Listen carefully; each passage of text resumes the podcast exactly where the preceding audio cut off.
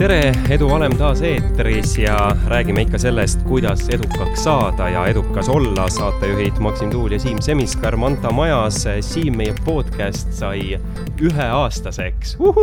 et äh, kuidas tunne on? tunne on nagu üheaastasel titel, et äh, natuke oskame käia, rääkimisest on asi kaugel ja mähkmeid tuleb ikka veel kanda. no sa tead väga täpselt seda teemat, sest sinu äh, tita just äh, natuke varem aastaseks sai, aga meie külaline on täna kinnisvarahaldusplatvormi pakkuva ettevõtte tegevjuht ehk siis Housing on see ettevõte, keda mhm. meie tegelikult teame paremini korvpallurina ja ma arvan, enamus äh, Eesti inimesi teavad hoopis äh, telesaatest naabrist parem. tere, Kristjan Kere tere, tere, aitäh ilusa sissejuhatuse eest. aga mm, kuidas sa iseennast tutvustaksid? jaa, see enese tutvustamine on alati selline keeruline väljakutse, et äh, aga mulle ei meeldi kunagi tiitlitega ennast tutvustada, ehk siis ma tahaks tutvustada selle järgi, mida ma nagu ise sisimas tunnen, ehk siis mis mulle meeldib teha, on äh, kindlasti õppida, seigelda, reisida ja saada nii-öelda paremaks inimeseks iga päev. ja lisaks sellele siis on ka kaasnenud äh, tõesti ka mõned ärijuhtimise positsioonid ja ühtlasi ka siis naabrist parem, et mis iganes väljakutsed elus tulevad, et olen valmis neid vastu võtma, et no Maksimile kindlasti selles sissejuhatuses kõige rohkem imponeeris see sõna juht, et äh, oli nii, Maks? see ei, aga jäi mul kohe kõrvu, et kuidas sa nüüd ütlesid, et, et tahad saada või iga päev äh, natuke paremaks, natuke paremaks, et meil käis siin ju äh, coach Peep Aaviksoo, kes äh, mm. rääkis, et äh,, et tema ka ikkagi iga, et inimese eesmärk võikski olla, et kui ta hommikul ärkab, et ta õhtul siis läheks, äh, ma ei tea, paremana mm. ja targemana nii-öelda magama, et, äh, et kas või natukene väike asi, et, et see on nagu selline noh, tähtis jah, Peep, Peep Aaviksoo koolitusel ma käisin ka, nii et äh, ju siis äkki sealt see jäi ka midagi kõrva taha, aga aga see mõte on ja see, et iga päev võiks natukene ennast intellektuaalselt või, või püsivalt nii-öelda kestvalt intellektuaalselt ennast motiveerida ja, ja ja huvitatud olla elust ümber, et see, see hoiab meid nii-öelda värskena. ja no kuulajatele muidugi ütleme ära, et üks võimalus, kuidas nagu äh, targemaks ja paremaks saada, on loomulikult kuulata saadet Edu valem ja mhm. Edu valem on nüüd leitav ka Facebookis, nii et kui teid äh, mingid teemad nüüd eriti paeluvad ja häid mõtteid on, et siis äh, liituge kindlasti Facebooki lehega Edu valem, et ainult aasta võttis meil aega, et see Facebooki leht ära teha ja Maks tege... nägi meeletut vaeva organiseeris oma elu esimese Facebooki lehe no päris nii ei ole tegelikult, et aga tore, et sai tehtud ja ma loodan, et võib-olla kui nüüd äh, vanainimeste sotsiaalplatvormile Facebook on jõudnud, jõutud, et siis äkki õnnestub varsti ka Instagram ära teha, et Siim tegelikult sai siin paar saadet tagasi teada, et äh, mis asi Instagram, Instagram on, on. ei, ma võin öelda, eile nägin uudist, et äh, Facebook tahab Euroopas ennast kinni panna, et maks me saame täna siis esimese pildi ära teha Instagrami jaoks, et jah, aga lähme nüüd äh, ikkagi tänase saate juurde ja mm, me tavaliselt räägime, Kristjan, siin saates külalistega ikka nende elust mm, -hmm. kui eh, nii-öelda keskkool läbi saab, et mm, -hmm. et kuidas siis sinu töökarjäär või, või õpingute karjäär algas või võib-olla juba ka kooli ajal tegid mm -hmm. väikeseid tööotsi? kui me elust räägime, siis mulle kindlasti meeldib alati alustada sellest, et äh, ma olen Eesti kõige väiksema linna Mõisaküla poiss, et äh, väiksest linnast pärit ja elasin seal viisteist aastat ja alles sel hetkel siis äh, Äh, läksin äh, paariks veerandiks Kilingi-Nõmme gümnaasiumi üheksandas klassis ja siis äh, alustasin korvpallitreeningutega. ja siis äh, kaks kuud pärast treeningute algust olin Eesti koondises äh,, teadmata, noh, ma olin nagu hästi niisugune mees metsast, et keegi polnud mind varem näinud, aga ma hüppasin peaga rõngasse ja siis inimesed vaatasid, kuidas viieteistaastane inimene saab teha, aga noh, ma ise olin nagu mõisakülas kasvanud ja vaatasin, et ümberringi ka samamoodi, et siis ei tundunud üldse eriline, aga see oli niisugune huvitav esimene kogemus nii-öelda mõisakülast väljas eluga. ja siis sealt edasi jätkus elu gümnaasiumis Audenteses, kus siis oli esimene kokkupuude äh, linnaeluga ja, ja niisugune vaikne mõisaküla tagasihoidlik poiss äh, sattus siis suurde pealinna, et äh, see oli väga niisugune õpetlik periood aga kas sina oled üks nendest siis äh, Eesti korvpalluritest, kes on jõudnud väga hilja selle ala juurde, et ma saan aru, väikelinnas, et ilmselt sa tegid siis kõiki spordialasid, mida üldse oli võimalik teha? Tead jah, Mõisakülas väga palju variante aktiivseks sporditegevuseks ei ole, et seal on üks, seal oli sel hetkel üks trenn, see oli käsipall, kus oli Eesti Viljandi ähm, käsipallitiimi peatreener käis meil trenni andmas. ma kaks korda käisin seal trennis, arvati, et minust võiks saada väga potentsiaalikas käsipallur, aga no lihtsalt see mäng ei kõnetanud mind äh, korvpalli ma mängisin ise seal mõisakülas ju pikalt juba sõpradega hoovis, et see oli, seda ma tegin küll juba lapsest alates. aga trenni jah, tõepoolest ma polnud kunagi käinud ja siis üheksandas klassis lihtsalt pikkus oli juba nii hea, et äh, Kilingi-Nõmme oli kakskümmend kilomeetrit kaugemal, et, et jutud käisid, et seal on mingi trenn, päris mõistlik ja, ja läksin sealt edasi, et jah, hilja alustasin ja kuigi tegelikult enne seda väga palju erinevate aladega ei tegelenud, et mulle meeldis arvutis äh, kodulehti teha seal kaheteistaastaselt ja, ja suvel siis korvpalli mängida lihtsalt sõpradega, sõpradega viluks.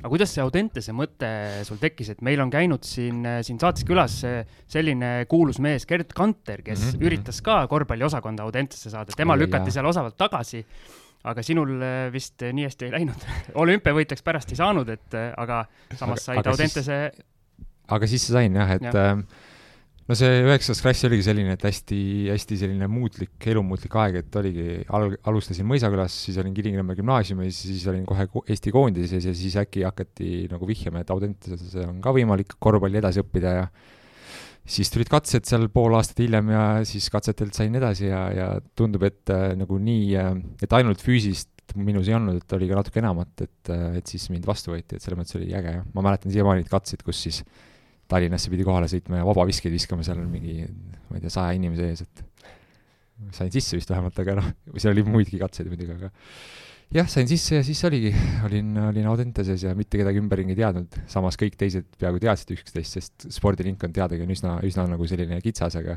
siis oli, seal klassis oli siis kaks inimest, keda keegi ei teadnud, oli Kristjan Keres ja Mooses Kaja ja siis äh, Mooses Kaja puhul oli üldse see, et nad ei teadnud, kas Kaja on Mooses või Mooses Kaja ühesõnaga jah, nii me olime siis mehed metsast ja, ja Audenteses läks elu huvitavaks. aga sa siis nägid ennast nii-öelda nagu tuleviku tippsportlasena, et ikkagi see Audentes on ikkagi ju spordikallakuga mm. -hmm kool maksab ma tahtsin vahele. just äh, sama küsida, et, et noortekoondistes äh, olid, aga lõpuks äh, meestekoondisse välja ei jõudnud? jaa.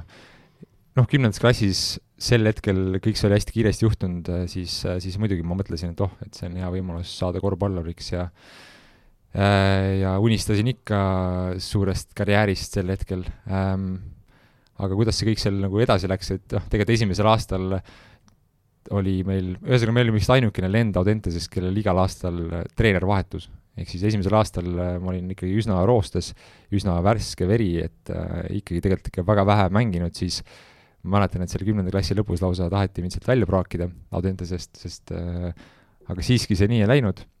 ja tegelikult äh, paar aastat hiljem, kaks aastat hiljem olin mina ainukene meistriliigas mängiv korvpallur sellest klassist, nii et see areng tegelikult oli ikkagi päris kiire pärast seda ja motiveerib ka mind.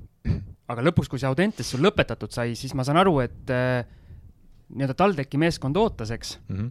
ja, ja tänu sellele või siis koos sellega ka ülikooliharidus. jah, see oli tegelikult nii, et pärast, pärast gümnaasiumi ootas mind üldse TalTechi Nüübit, aga see oli, äh, see oli äh, kriisiaeg ja Nüübit äh, sel hetkel siis Triobet TalTechi läks pankrotti septembris. niimoodi, et poole, poole pealt öeldi, et nüüd on läbi. siis ma käisin Graamo trennis kolm-neli nädalat koos Joss Spacey ja kes seal olid need äh, kõik, päris hea tiim oli sel hetkel väga, väga äge kogemus. aga noh, Craamosse sai ka ainult äh, näpud, käputäis, et äh, Rain Radik sai seal veel meie tiimist ja ja siis sel hetkel oli selline tühi auk, äh, käisin juba ülikoolis TalTechis ja, ja siis pool aastat hiljem mõtlesin, et meistriliigas võiks ka kätt proovida, läksin Tarvasesse, olin kolm kuud seal ja siis pärast seda kutsus TalTech meistriliiga mõttes. et sul ei olnudki nii, et kutsuti meeskonda mängima ja öeldi, et boonuseks saad siis nagu ülikooli? ei jah, ma olin juba ülikooli sisse astunud ja siis äh, kuna TalTechis mängimine tundus palju lihtsam, kuna ma juba õpin seal, siis, siis see nii läks. ja mida õppima läksid, äh, mis eesmärgid õpingutega olid? eesmärgid õpingutega, oh see oli sel hetkel praegu tagasi vaadates ikka väga keeruline otsus ja, ja mitte üldse seest tehtud otsus, vaid pigem mingisuguse arvamuse järgi, et äh, seda oleks hea õppida, ehk siis ma läksin alguses õppima informaatikat. esimesed pool aastat õppisin informaatikat, aga siis sain aru, et see on ikka liiga IT minu jaoks, siis läksin äri, info, äriinfotehnoloogia peale. ja seda ma õppisin siis järgmised neli pool aastat ja tegin äh, nominaalõppe kõik magistriõppe ära ja samal ajal siis mängisin kossu TTÜ-s. aga samas sa ütlesid, et sulle juba noorena meeldis seal äh, arvutis igast asju teha mm, -hmm. et mhm. äh, aga samas õpingute ajal nagu oli liiga IT ikkagi jaa, ei, noor, nooruspõlves ka, mulle meeldis seda niimoodi natukene teha, aga mitte nagu liiga palju, et äh, mul, mind iseloomustabki ilmselt selline hästi hea kombinatsioon erinevates valdkondades, et mulle meeldib teha paljusid asju, aga mitte ühte konkreetset asja hästi palju, et see äri-IT kombineerib kaks maailma, et sa saad, tunned IT-d piisavalt hästi, aga samas tunned ka äri poolt piisavalt hästi ja tegelikult hiljem siis ma üldse keskendusingi äri, äri poolele rohkem, sest see paelus mind sellel hetkel nagu veel enam. Et päris sellist patsiga poissi sinust ei saanud? ei saanud jah, aga kes teab, oleks võinud, selles mõttes vaadates ümberringi, kuidas praegu patsiga poisid äh, elavad, siis, äh, siis see oleks olnud nii kindel karjäär, et äh, IT on väga, väga hea asi, mida õppida ja teha ja osata, aga selleks peab ka olema kirg ja tahtmine ikkagi arendada ja koodi tunda ja see on, see vajab ikka pühendumust. ja andku andeks meile kõik äh, IT-kurud ja et me teame küll, et teil kõigil patse peas ei ole, aga siiski on hea niimoodi kokkuvõtvalt nimetada. aga Siimu arvates peaaegu enamustel, ma saan aru. no tänapäeval on ikkagi eh, teksapüks jalas, T-särk seljas ja tennis jalas, et see on niisugune kaasaegne. aa, et asi on muutunud, jah ja, ja. juuksuriraha on meestel aga mm, ma tean, Kristjan, et sa mängid praegu ka veel korvpalli mm, -hmm. aga, aga ilmselgelt äh, see nii-öelda leiva lauale ei too, et. jaa, kindlasti mitte. et äh, millega sa siis pärast nii-öelda selles mõttes meistriliiga karjääri lõppu äh, või, või juba sellel ajal äh, siis äh, leiva lauale tõid või töö, tööle hakkasid, kus? oota, ma enne küsiks vahele sellise küsimuse, millal sa said aru, et sinust nii-öelda tippkorvpallurit ei tule või sa kunagi ei treeninud ja mänginud üldse sellise eesmärgiga, et jõuda nagu tippu välja?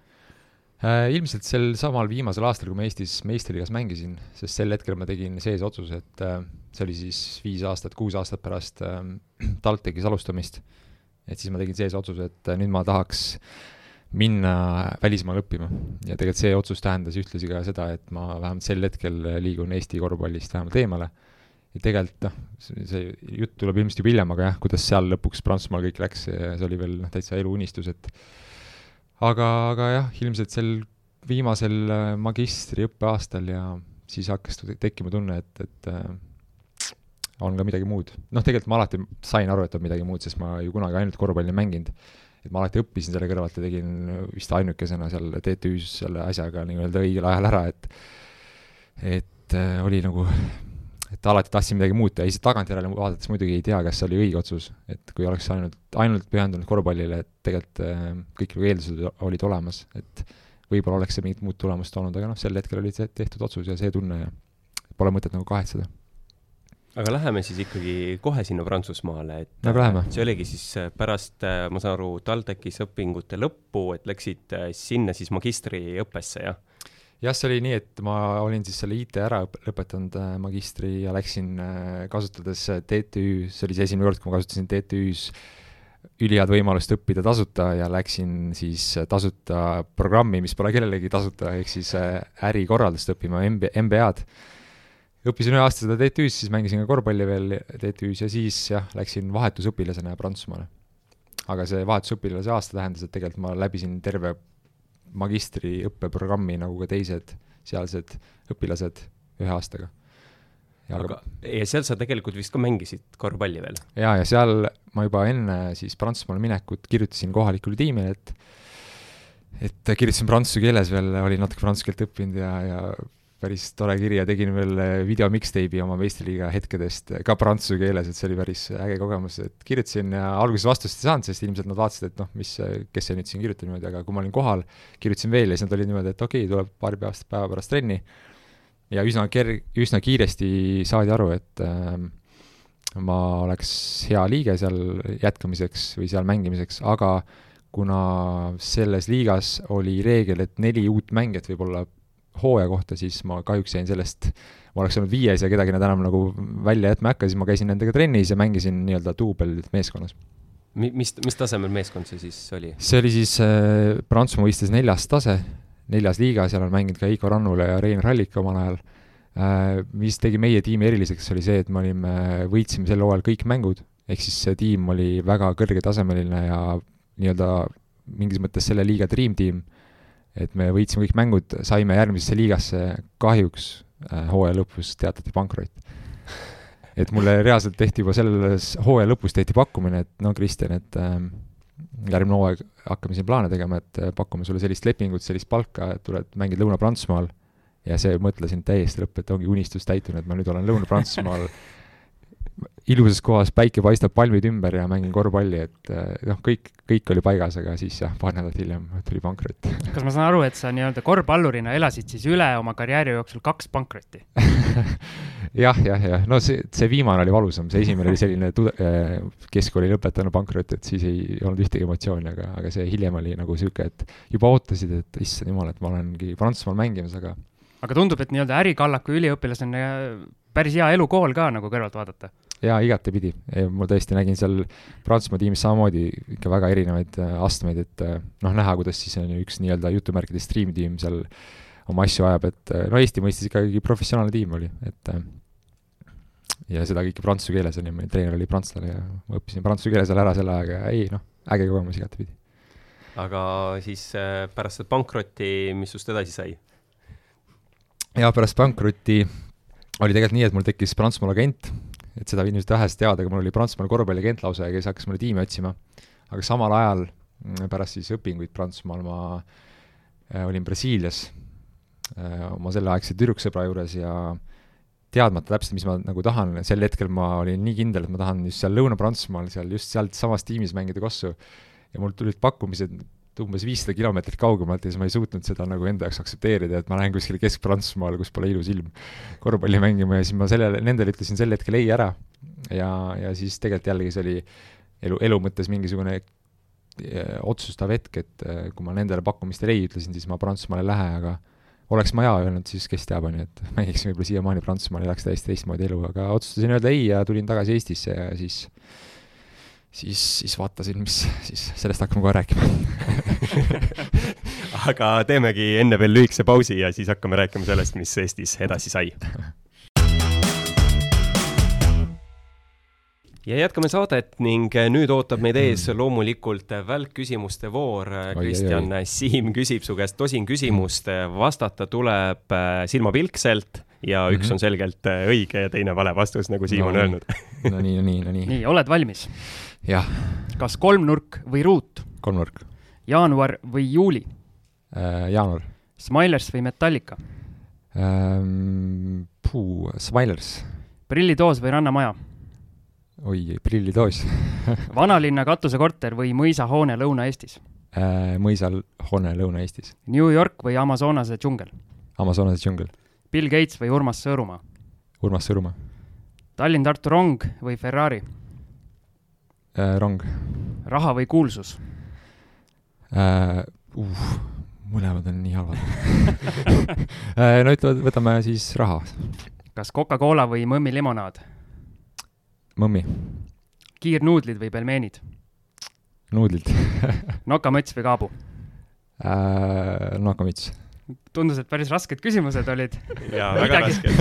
midagi head Kristjani jaoks midagi head seal ei olnud ei, ei, väga head, väga head. ma küsiks kohe ära ikkagi selle äh, meie juba põhiküsimuseks võib-olla ähm, kujunemas, jah, on raha või kuulsus, et äh, sa ütlesid, et oi, nii halvad mõlemad, et, et enamus inimesi ütleks, et oi, tahaks mõlemaid.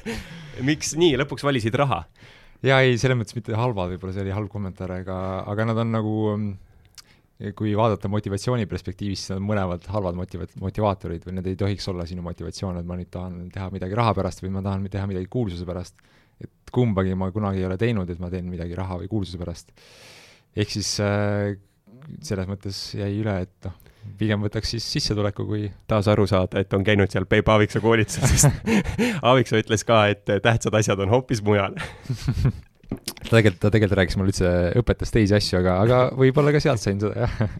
siis jaanuar või juuli, et võtsid, võtsid ühe külmema kuu siis jaanuari et...? jaa, ma isegi ei saa aru, miks. aga võib-olla sellepärast, et ma jaanuaris olen käinud ainult kogu aeg, viimased viis aastat välismaal troopikas, et see kuidagi meenutas seda. ja pluss ta on niisugune uue alguse kuu.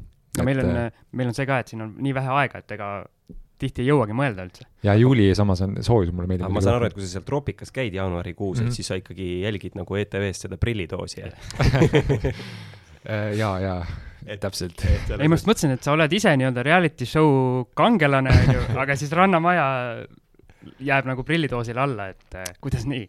tuleb tõdeda, et ega ma tegelikult ise üldse telekat ei vaata, et äh, naabrist paremat pidin siis see aasta vaatama, sest äh, juhuslikult ise olin seal, et oli huvitav näha, mis seal kokku lõigati, kuidas see telekas kõik välja tuli, aga Rannamaja pole kunagi näinud ja prillidoosi ka ilmselt mitte, aga prillitoos kõlab nagu hästi õpetliku saatena sul on veel umbes, ma arvan, kolmkümmend, nelikümmend aastat aega, siis hakkad vaatama.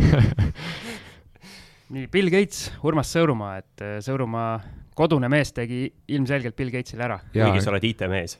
ja ei, Urmas Sõõrumaa on äh, kindlasti üks inimesi, kellele ma alt üles vaatan Eestis ja kes mind mitmes mõttes on inspireerinud äh, ja jätkuvalt inspireerib et äh, äärmiselt tore oleks temaga kunagi kohtuda, nii et no meil äh, on kindlasti siis äh, põhjust ja tegelikult oleme juba mõelnud selle peale, et teda ka siia saatesse kutsuda ja, ja loodame, et siis vähemalt meie Siimuga kohtume temaga. et see, kuidas tema vaatab äri ja kuidas tema vaatab just niisugust eraelu ja siseelu, et see on hästi-hästi-hästi eriline ja huvitav. kindlasti soovitan lugeda või kuulata teda, kui kuskil seda võimalik on teha ja kas Amazonase, Amazonase džungel päriselt ka tõmbab või, või tõmbab lihtsalt rohkem natuke kui New York? Äh, New York ei tõmba ka üldse, võib-olla ainult New York Knicks, äh, et ühte mängu vaatama minna, aga aga tõmbab Amazonase džungel jah, et äh, kõik see troopika, mets, džungel, ähm, niisugune segadus ja et kas võib siis laiendada, et nagu suurlinnad ei paku sulle huvi või suurlinnad pakuvad huvi selleks, et ma lähen sinna kaheks päevaks reisile, et kui mul oleks valida, siis ma noh, jällegi ma ei saa öelda, et ma lähen tööle Amazonas džunglisse, aga kui mul läheks reisile, siis ma kindlasti valiks reisiks džungli, troopika, looduse eemaloleku. no võib vist aru saada, mees on pärit äh, maailma kõige väiksemast linnast. Täpselt, täpselt, et sealt seda ilmselt tuleb vaikselt, et äh, ja isegi olen äh, Amazonase džungli lähedal käinud, et et, et, et nii-öelda tunnetada saanud, et milline energia seal on, et see on, soovitan jällegi taaskord. Pikem jutt. Aga meil jäi enne pausi jutt pooleli seal, et Prantsusmaal oli pankrot, Brasiilias sai ka korraks käidud, et äh, tulid ja. tagasi Eestisse, mis äh, siis toimuma hakkas? jah, olin Eestis äh,, olin just läbi kogenud oma elu muutvama aasta igas mõttes, kõik oli paigas, korvpall olemas, välismaised sõbrad päike, soojus, uus ke-, kultuur, keel, iga päev õpid midagi uut hästi-hästi, hästi eriline aasta ja siinkohal ma kindlasti soovitan kõigile noortele kuulajatele, kes pole veel Erasmuse võimalust kasutanud, siis palun äh, kindlasti kaaluge seda, sest ma ei tea inimest, kes ei oleks olnud rahul ja ma ei tea inimest, kes ei ütleks, et see oli nagu üks parimaid otsuseid enda elus. ma ütlen sama, ma olen kasutanud ja ah., ja ütlen tõesti, et äh, et kasutage, kasutage kõik, kellel võimalus on, mina käisin Hollandis. Hollandis, okei okay., jah, väga ilus ka. et äh, aga siit jah, edasi jätkates et.... ma siis nutan, ma ei ole kasutanud mm. -hmm. aga selles mõttes jah, kellel võimalus on, et, et kindlasti soovitan ähm,. nii, ja mõttelõng läksid, et mis sa edasi, olin jah, tagasi Brasiiliast äh,, tüdruksõber jäi Brasiiliasse, siis äh, olin Eestis, mõtlesin, mida edasi teha. kas see oli Brasiilia tüdruksõber või see oli ja, lihtsalt? ta oli Brasiilia, jah, brasiillane mm, -hmm. kohtusime Prantsusmaal ähm, see selleks äh, ka hästi tore, tore kogemus tagasivaates muidugi Äh, nii-öelda äriliselt või eluliselt, siis oli jah, mõtlesin, et äh, mida teha, et ainult kossu lihtsalt Eestis ma ei tahtnud mängida, kuigi sel hetkel oli ka võimalus selleks, lihtsalt ei tundunud, et ma tahan nagu minna sellesse samasse rutiini tagasi. Ja hakkasin tegelikult üldse kaaluma ja otsima ettevõtteid, kus ma saaks äh, ühendada siis äri ja spordi, ehk siis ma mäletan, ma uurisin seal Nike'i ja Converse rahvusvahelisi, rahvusvahelisi pakkumisi, aga lõpuks tuli jah, selline äh, ootamatult äh, läbi taaskord korvpallitutvuse üks kontakt, mõte, vihje, et äh, siin on selline ettevõte alustamas, et tule, tule aita meid ja, ja paari kohtumise järel äh, mind värvati ja see oli, sealt algas nii-öelda uus, uus elu teises rütmis. kas see oli nüüd see ettevõte, kus sa praegu töötad või? ei, see oli siis, see oli siis One Home äh, ettevõte, mis pakub siiamaani tudengimajutust, on nii-öelda kinnisvarafond, aga neljas riigis pakub tudengimajutust ja mind värvati sel hetkel siis Poola riigi nii-öelda ärijuhiks või ärialgatajaks, et äh, vaadati, et ideaalne on ju, et me, meie kliendid on Erasmused, kes ma olin Erasmuseni ja olen juhtimist õppinud ja silmad särasid ja tahan välismaal olla, et selline ideaalne inimene, et ja tüdrukut ka Eestis polnud, et mine reisi, siis ole siis seal Poolas õnnelik. Ja selles mõttes mulle sobis, et äh, siis oligi järgmised poolteist aastat ma elasin poole kohaga Eestis ja poole kohaga Poolas ja alustasin täiesti nullist, läksin Poola ja mitte ühtegi kontakti ei olnud ja alustasin siis uue äriga, mis siis noh, Eestis oli kontsept olemas, aga seal siis alustasin täiesti nullist, lõin äri, leidsin kontaktid, juristid, raamatupidajad, valisin korterit kõik, mida osta, renoveerisin need kõik nii minu nii-öelda silma ja teo järgi, otsisin ehitusettevõtteid, noh, Poolas, kui Eestis on see keeruline, siis kujutad, kujutage ette, mis see Poolas veel võib olla, et seal üks oli parem kui teine, aga et ähm, jah, siis Poola kogemus oli ka võrratult äge, et et samal ajal ma tegin veel, siis jätkasin seda magistriprogrammi TTÜ-s, ehk siis samal ajal ma töötasin ja elasin Poolas, mängisin korvpalli esiliigas Eestis ja käisin magistriõppes TTÜ-s, et äh, sel ajal oli nagu ilmselt mu aja juhtimise tipphetk, et ma planeerisin lende nii, et ma jõuaks õhtul loengusse TTÜ-sse, et see oli täiesti äh, müstiline tagantjärele vaadates aga räägi sellest Poolast, et Poolal mm -hmm. on Eestis, Eesti inimeste silmis natukene selline negatiivne kuvand, et sealt tuleb kogu aeg läbi sõita ja mm -hmm. mingeid rekkamehi võetakse sealt äh, osavalt maha ja nii edasi. nüüd veel äh, igasugu poliitilised asjad ka ja kuidas nii-öelda, kui sa seal elasid mm, -hmm. kuidas see riik nagu tundus? Ma elasin Varssavis peamiselt, äh, vahepeal käisin ka Krakowis, aga peamiselt Varssav. Ja puh, ma olin ikka väga üllatunud, et kui sa lähed sinna, siis seal on Euroopa Euroopa mõistes peaaegu kõige enim kõrghooneid, nii-öelda pilvelõhkujaid meie mõistes, no meie nendest Swiss hotellidest tunduvalt kõrgemad. ja noh, sa lähedki nagu täitsa suurlinna, et niisugune suured hooned, elu käib, mitu miljonit inimest, palju rahvusvahelisi inimesi, hästi selline vibrant city, et äh, ma ei jät-, jätnud kordagi muljet, et siin on kuidagi midagi halvemini või halvemini, jah, hinnad olid natuke soodsamad, väljas käi-, sai käia, süüa väga hästi, väga ilusates kohtades. ja nagu räägin, et tõesti, kõik oli väga, väga heas korras, et paljudes asjades oli minu arust isegi Eestist ees, et et äh, noh, sel hetkel tundus see veel täiesti uus asi, et noh, viipemaksed on ju, et nüüd on nagu Eestis ka juba täitsa igapäevane asi, aga seal, seal oli see juba kõigi jaoks normaalsus, et et äh, kaks aastat oli Eestist ees, et et jaa, seal on palju suuri ettevõtteid, Google'id ja asjad, et seal on tegelikult hästi palju rohkem võimalusi mingis mõttes kui Eestis aga samas Eestis on ka ikka uskumatult palju häid võimalusi, nii et.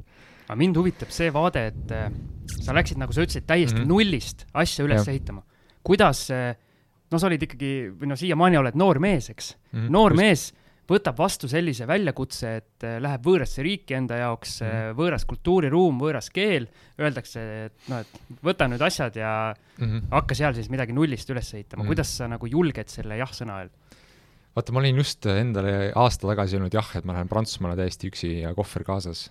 ja kui sa selle etapi elus läbi teed, et sa lähed äh, kohver käes Prantsusmaale, riiki, kus tegelikult inglise keelt väga ei taheta kõneleda, ja oled selle aasta nagu üle elanud väga hästi veel, et äh, ja seal ka töötanud, ma töötasingi seal hetke, siis see tundus nagu et tore väljakutse, et miks mitte, et ei tundnud üldse kuidagi hirmus, et äh, paljud vaatasid mulle ka otsa, et noh, eriti vanemad, mäletan, et oota, mis niimoodi hakkad siin, et mis värk see on, aga mul endal oli hästi kergus, et ma tean alati, teadsin alati, et ma ju ala, alati üritan anda endast parima ja tegelikult on elus üldse nii, et kui ma tean, et ma andsin endast parimat, siis ei ole vaja pärast muretseda.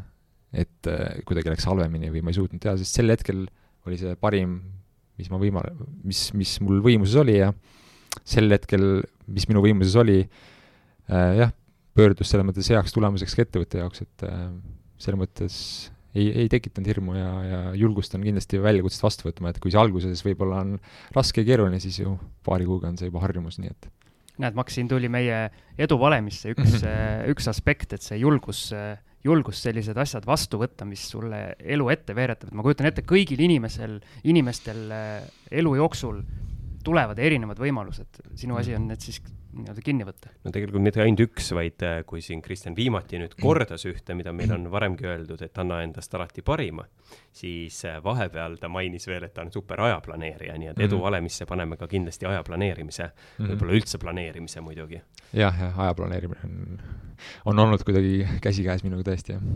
aga see on sul nagu loomulikult tulnud või, või, või oled ka seda nagu, ma ei tea, kuidagi õppinud või elu on õpetanud? Tead, elu vist on õpetanud, et äh, ega ju keegi, keegi teine väga seda ei õpetagi, et äh, elu õpetas jah, TTÜ-s pidi alati teadma, kus on trenn, millal on kool, millal on tund äh,, millal on buss, kuhu, et ühistranspordiga jõuad õigesse kohta, samamoodi keskkoolis, Audenteses, seal oli väga paigas, on ju muidugi aja planeerimine juba teiste poolt ja nii edasi, et äh, jah, Poolas ka samamoodi, et iga kord, kui ma sinna lendasin, mul pea, päev pidi olema perfektselt planeeritud, et ma jõuaks teha, vaadata kortereid, rääkida juristidega, leida maakler, leida, leida mingi raamatupidaja, et kõik, terve plaan oli aadressi põhiliselt ette planeeritud, et, et, et ma jõuaks neid asju teha, muidu ma ei jõuaks mitte kuskile, et need päevad olid seal tihtipeale hästi pikad, et kaheksa-üheksani õhtul, et kuidas sul seal siis äh, nii-öelda läks selle aja jooksul, ütleme aasta pärast mm, -hmm. mis seisu sa olid jõudnud, ma ei tea, kui edukas äh, äh, nii palgaliselt kui ka positsiooniliselt äh sa mõtled ettevõttel pigem? No ei, ma mõtlen ikka nagu, et eh, noh, selles mõttes ka ettevõttel, aga nagu sinu, sinu seisukohast, et, et mis, ma ei tea, kas sa olid siis ma ei tea, mis see alguses see nii-öelda ametinimetus oli või, või, või, mhm. või see ootus ja Maksimil on väga oluline ametinimetus mitte ametinimetus võib-olla iseenesest, aga noh, et, et kas sa näiteks läksid sinna, ma saan aru, alguses siis seda äh, üles ehitama nii-öelda seda täpselt. Poola osakonda, et kas mm, -hmm. kas see, kas see siis nagu kasvas suuremaks, kui siis üks isik, sul tekkisid alluvad või mitte, meeskond, et selles mõttes? jaa, meeskond mul tekkis ka kiiresti, sest mul oli vaja haldurit, raamatupidajat, juriste, sellist tiimi ja kontakte oli mul vaja, et äh, muidugi ma täiskohaga kedagi tööle ei saanud võtta, sest meie portfell ja nii-öelda sel hetkel äriturgu sisenemise strateegia oli hästi madal, hästi väike, ehk me ostsime viis korterit ja tegime, tekitasime viiest korterist siis kuuskümmend rendiühikut. kui te nüüd mõtlete, et see on ühe korteri kohta päris palju, ei kuuskümmend, vabandust, nelikümmend oli sel hetkel ikka. nelikümmend, jah. ja tekitasime päris palju neid rendiühikuid, mida välja rentida, et siis kaheksa inimest korteris või? jah, jah mu matemaatika ei vedanud alt praegu. Jah, see oligi päris naljakas, noh, kõige parem tehing, mis ma tegin selle tagantjärele vaates, oligi, et ostsin kolmetoalise korteri ja tegin sellest seitsme, jah, kaheksatoalise, et see oli ikka päris nagu uskumatu. Teised imestasid, kuidas see võimalik oli, aga üks tuba oli viie ruutmeetrine, ma mäletan, me üürisime seda kahesaja viiekümne euro eest välja ja kõik ütlesid, et see on küll võimatu, aga näed tekkis võimalus. et seal see turg oli samamoodi hästi likviidne ja rahvusvahelisi inimesi täis, et oli neid ostjaid, aga oot-oot-oot, ma siin küsin ma siin küsin vahele. milline inimene läheb elama viie ruutmeetrisesse tuppa äh,? inimene, kellel on vähe ressursse, aga tal on vaja elamispinda, mis on uus ja puhas. et sel hetkel oli meil selline toode täpselt pakkuda, et et äh, kui ta oleks maksnud äh, kolmsada, nelisada eurot, mida tal ei olnud, on ju, siis ta oleks saanud kindlasti parema variandi või parema toa ka meie portfellis, aga näiteks meil elasid seal paar India inimest näiteks, et äh, selles mõttes ta lahendas selle põhiprobleemi ära, et sul on vaja peakohta, et sul on olemas voodi, et kõik on puhas ja saad hästi pesta ja internet on olemas ja. no see vist näitab seda, et nii palju oleneb nagu taustsüsteemist, kus mm -hmm. mingid inimesed täpselt, tulevad, et jah. ma arvan, kui sa nii-öelda ameeriklasele, kes on üles kasvanud kuskil ma ei tea, kolmesaja ruutmeetrises majas või siis eh, võib-olla nii-öelda Indiast tulnud inimene, kus noh, ütleme siis viisakalt, et ongi palju inimesi ja vähe ruumi mm. -hmm. noh, ruumi on, aga võib-olla linnades on vähe ruumi et äh, see taustsüsteem loeb nii palju, et India, India, indialase jaoks võib-olla on nagu edasiminek, aga mm. -hmm ja Indiast rääkides ma lihtsalt tahaks öelda, et olles ise seal käinud, siis palun kõik, kellel võimalik käige ka seal, seda on lihtsalt vaja kogeda ja tunda, kuidas üks tuhat korda suurem riik äh, siis äh, oma asju ajab ja aru saada ja võrrelda siis, kuidas siis näiteks väikses Eestis ühe miljoniga me hakkama saame, et oled sa Indias niimoodi bussi katusel või rongi katusel sõitnud ka? Ma olen sõitnud rongis, rongis niimoodi, et äh, seda, noh, räägiti väike lugu siis, äh, reisilugu, et olin rongis, ostsin siis tavalise klassipileti päevase rongiga ja ma olin hästi väsinud, ma mäletan, et ma tahtsin magada, ehk siis ma oma arust ostsin sinna sleeper klassi, et siis viskasin sinna pikali magama, aga siis millegipärast nagu inimesed hakkasid tögama mind seal nagu järjest igas peatuses tuli inimesi peale. Ja siis ma pärast, keegi küsisin kellegi käest, et mis siin nagu toimub, et miks, miks kõik häirivad, ma pikutan ainukesena, sest tõesti ümberringi mitte keegi seal sleeper klassis ei maganud. ja siis tuligi välja, et päeval on Indias reegel, et isegi kui sa ostad sleeper klassi, siis tegelikult seda magada ei tohi seal. sest inimesi tuleb nii palju, et nad ei mahu muidu ära.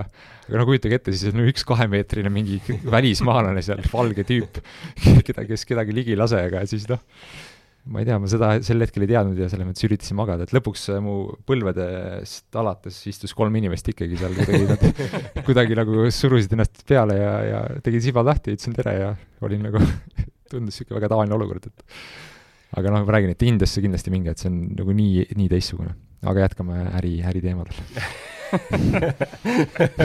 väga hästi, Kristjan nagu juhib seda saadet praegu, aga tuleme korraks sinna Poola tagasi ja meil on noh, siin Siim näiteks on portaali Rahajutud mm -hmm. peatoimetaja, teda huvitab raha kogu aeg, et et sa just rääkisid siin suurepärastest tehingutest ikkagi seal Poolas selle kinnisvaraga, et kas need nagu siis sinu rahakotile ka hästi mõjusid või need olid rohkem ikkagi ainult ettevõttele? Äh, kindlasti mõjusid ka mulle hästi, sest tegelikult on ju väga raske leida inimest, noh, selles mõttes mul oli fikseeritud palk, et isegi kui ma tegin väga hea tehingu, seda, see väga ei mõjutanud.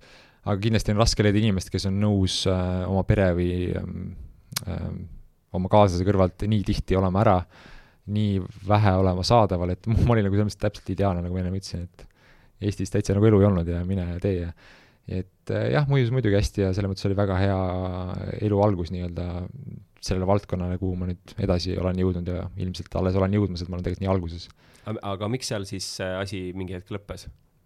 Äh, Poolas ta lõppes alles pärast seda, kui ma olin sealt ettevõttest lahkunud äh, Mi. miks sa lahkusid või, või ära aeti või, või, või, või? ei, ma lahkusin äh, omal äh, algatusel äh, olin seal pärast Poolas käiku, ühesõnaga ma sattusin siis Eesti, Eesti portfelliga juhtima, Eesti ja Baltikumi, ehk siis kokkuvõttes ma olin nelja riigi tegevjuht ja minust sai juhatuse liige tervele portfellile, kuna Poolas oli hästi läinud ja Baltikumis võib-olla mitte nii, et siis, ja taaskord noh, ettevõte oli pankrotiseisus sel hetkel, kui ma üle võtsin.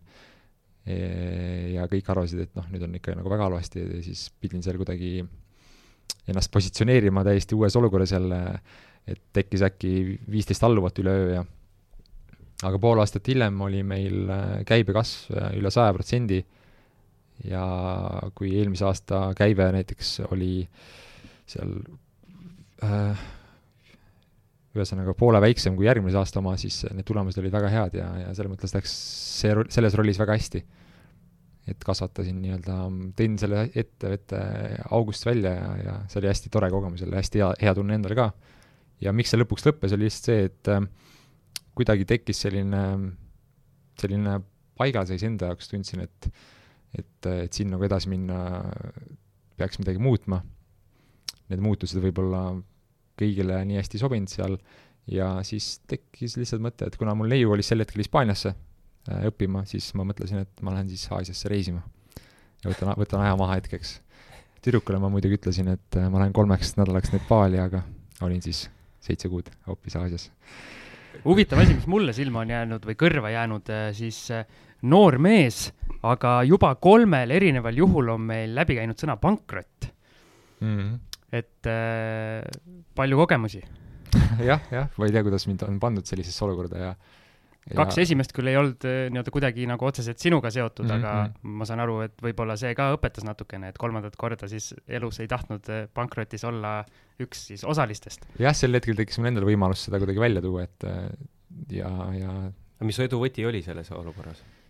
oh, edu võti oli selles, kuna ma olin Poolas selle asja nagu püsti pannud enda nii, nii-öelda ideoloogia järgi ja siis, siis ma rakendasin seda lihtsalt Baltikumis võimalikult hästi et tegin müüki nii, nagu ma tegin äh, Poolas, et noh, sel hetkel me tegisime, tegelesime välistudengitega, et ma siis üksi võtsin ette ja külastasin kõik ülikoolid äh, Baltikumis läbi, kes siis pakuvad välismaalastele mingeidki võimalusi, lihtsalt koputasin, paljud ei vastanud mu emailidega, lihtsalt läksin kohale. Ja tegelikult, kui sa oled kohal juba, siis paari sõna järel nad saavad ju aru, et normaalne inimene ja siis tekib suhtlus ja siis tekib side ja siis tekib soovitus lõpuks meie portfelli poole ja noh, niimoodi ta läks, et et äh, rakendasin nii-öelda enda tehtud asju, et mõnes mõttes oli see nagu lihtne ja mõnes mõttes oli see tore, et see kõik töötas sellisel viisil. ja muidugi seal tuli kärpeid teha ja et niisugune numbrite maailmas ma olen üsna täpne, et siis seal kindlasti oli natukene vaja õhemaks teha seda struktuuri meie ettevõttes ja, ja nii me lõpuks sinna plussjoonele jõudsime. kas Baltikumis õnnestus ka pakkuda viie ruutmeetrist äh, üüripinda? Äh, ma arvan, et meil oli seal kuus oli kõige minimaalsem jah, Leedus kuskil. Eestis vist oli seitse-kuus. no vaata, Eestis on need, Eestis on lihtne öelda, vaata need ähm, Mustamäe kolmetoalised korterid. et äh, köök on seal tavaliselt ju köök mm, -hmm. aga need tehti selles äris kõik elupindadeks. ja köök pandi koridori, mis on teatavasti väga väike. Ehk siis, kui te nüüd kujutate ette, et olete ühes Mustamäe paneelmajas, siis elate seal köögis, siis, siis siis sinna mahub, sinna mahub, sinna mahub elama küll, kui vaja. ei kujuta ette. sinna ei mahu voodigi ära minu meelest. okei huvitav. nii. aga nüüd vist lähme Nepaali või? jah, ma just mõtlesin ka et.... aga teeme enne väikese pausi ja siis, siis lähme juba maailma kukla poolele seiklema mm. -hmm. Ja me oleme nüüd äh, eduvalemiga jõudmas Nepaali, äh, mitte küll siis füüsiliselt, vaid oma jutuga. Ja ma saan aru, et sa läksid sinna kolmeks nädalaks, see oli siis, ma saan aru, reisile. Jaa, jah, mul oli plaan siis äh, minna matkama Nepaali. Ja olin Eestis siis Sportlandist ostnud kõikvõimaliku varustuse selleks ja, ja ja siis eksisid ära ja jäid nii kauaks kuhugi metsa või mägede vahele? ei äh,, ära ei eksinud, äh, lihtsalt tekkis arusaamine, tundmine, et vau wow,, siin Aasias on äh, nii soodne, ma olin juba seal ja kõrval oli nii lähedal ja nii huvitavaid, palju huvitavaid riike, et äh, miks siis mitte seda praegu just teha, samal ajal kui äh, Marleen, siis minu elukaaslane, oli Hispaanias, õppis ja töötas äh, kakskümmend neli seitse, siis ma oleks talle niikuinii selle pinnuks silmas olnud. Et äh, tekkis, rääkisime temaga ja ta oli nagu nõus, et ma jätkan Aasias olemist ja ta käis mul külas ja siis ma reisisin seal seitse, seitse-kaheksa riiki seitsme kuuga. ja see oli siis mu ikka kohe küsin rahaküsimused ka ära, et mm -hmm. ikka selle raha arvelt siis, mis oli enne nii-öelda kõrvale pandud ja, ja, ja. et seal nagu otseselt sellist äh, selle aja jooksul lisateenistust nagu ei, ei, ei teinud või kaugtööd kuskil ei teinud? ei, ei teinud jah, see oli puhtalt säästude arvelt et ähm, jah, seitse kuud kõlab on ju kallilt, aga tegelikult äh, mõned sõbrad siin pakkusid, et kakskümmend viis tuhat või mis palju seal läks siis. et tegelikult mul läks siia kuus tuhat äh, seitsme kuu peale, et äh, koos kõigi lennupiletite ja majutuste ja söögiga kahemeetrisele mehele, et tegelikult see on ikka väga hästi, hästi, väga hästi hakkama saadud. et mäletan siiamaani, kuidas noh, Sri Lankal elades äh,, Sri, Sri Lankal olin kolm kuud kokku, et seal äh, olin kuu ajaga, elasin ära mingi neljasaja viiekümne euroga vist et sisaldades kõike. et sa olid Sri Lankal, olid põhimõtteliselt väga rikas mees, ma saan aru? oo jaa, rikas, aga ma elasin täpselt nagu kohalik. et äh, ma tõesti käisin ainult kohalikes söögikohtades, sööd karbit, üks viiskümmend eurot äh,. jah, sööd mingit muud riisipada, siis täpselt sama hind, et et äh, tihtipeale oli seal reegel, et sa saad süüa nii palju, kui tahad, on ju, et maksad hinnaga. see juurde. reegel tehti ümber, kui üks suur Eesti mees ära käis jah, ja et äh, tõesti väga soodne, et ma mingi hetk oligi seal, keskmine päeva eelarve oli kümme kuni viisteist eurot, et vaatasin, et kui ma sinna vahemikusse mahun, siis on päris hästi. aga Nepaali tagasi tulles, siis äh, jah, Nepaalis sai kõik alguse, läksin mägedesse, võtsin ette, et olen, läbin sellise raja nagu Annapurna Circuit, kui keegi siin mõtleb praegu, et võiks äh, ka matkama kuskile minna, pole mägedes käinud, siis see on äärmiselt ilus ja hea algus sellele, sest sa alustad troopikast, sa läbid kõikvõimalikud kliimatsoonid lõpuks oled viie tuhande viiesaja peal ja siis tuled teiselt poolt alla, läbid taaskord eri, uued erinevad kliimatsoonid ja, ja siis oled lõpuks tagasi, et ma läbisin seda siis kakskümmend viis päeva ja kahekümne viie päeva eelarve koos majutusega, seal oli äh, kolmsada eurot. seal isegi siis jah, kümme eurot oli umbes päeva eelarve, majutus töötas seal nii, et sa elad sellistes teemajades. Lähed sinna, siis kaupled ukse peal, et äh, söön teil hommikusöögi ka, kas saab siis, siis tasuta siin magada ja siis tavaliselt see alati töötas.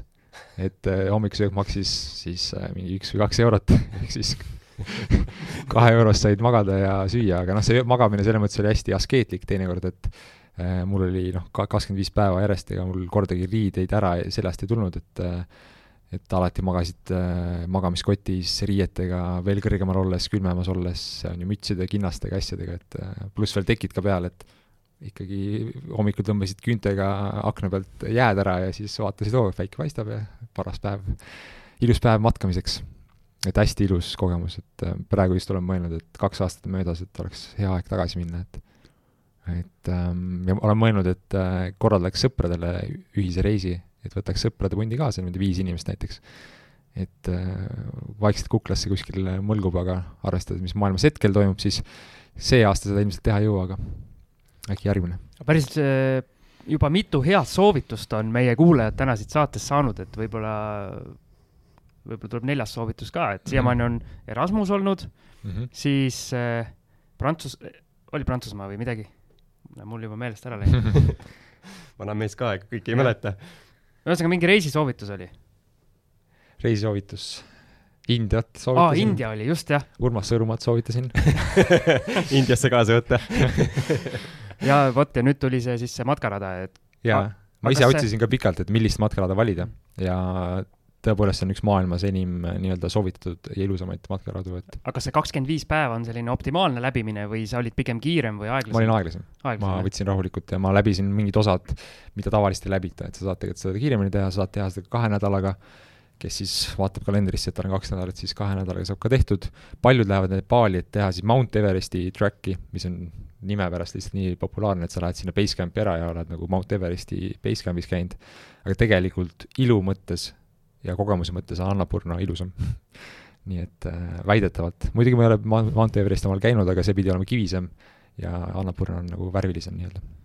aga sealt siis jäidki nagu edasi matkama, kuhu sa siis edasi matkasid, et äh põhimõtteliselt. jah, matkasingi põhimõtteliselt täiega, seljakott oli seljas ja nii ma seal käisin riigist riiki ja käisingi Indias siis leidsin ennast äh, Sri Lankalt. no sellel Sri Lankal ma tahan peatuda, et ma ei tea, kas siis kohe selle juba seal äh, esimese käigu juures äh, sa olid seal ka sellises meditatsioonilaagris mhm. või kuidas seda nüüd eesti keeles nimetada? jaa, tegelikult vaata kõikidesse riikidesse ma läksin sel hetkel teadmata, kaua ma olen sel hetkel, kui ma olin Sri Lankal juba ja kaks kuud oli algusest möödas, ma ei teadnud, ma olen tegelikult seitse kuud kokku. ma, mul käis Marleen külas, me olime kolm nädalat äh, Sri Lankal, jõulud, aastavahetus, ta läks ära, nii kahju oli, sest äh, ma oleks tahtnud talle öelda, millal ma tagasi tulen, aga ma sel hetkel ei teadnud ja tegelikult see oli hästi nagu noh, suhtele päris väljakutsuv koht, et ma nüüd jään siis Aasiasse. ma täpselt ei tea, miks, aga noh, niisugune tunne on. ja siis äh, sel hetkel ma just leidsingi selle Vipassana laagri, tundus, et niisugune hops, huvitav kogemus, mida kogeda. Äh, see oli kahe nädala pärast, pärast kui Marleen ära läks ja, ja sinna ma siis sattusin Vipassana meditatsioonilaagrisse, et äh, räägi sellest laagrist, et ma saan aru, et seal ei saanud siis sa äh, kümme päeva oli, jah? see oli kümme päeva, jah, üksteist päeva. ei, ei kirjutada, ei rääkida, ei, kas see oli täitsa niimoodi, nagu ka Urmas Sõõrum on käinud, kuskil pime ruum ka, jah?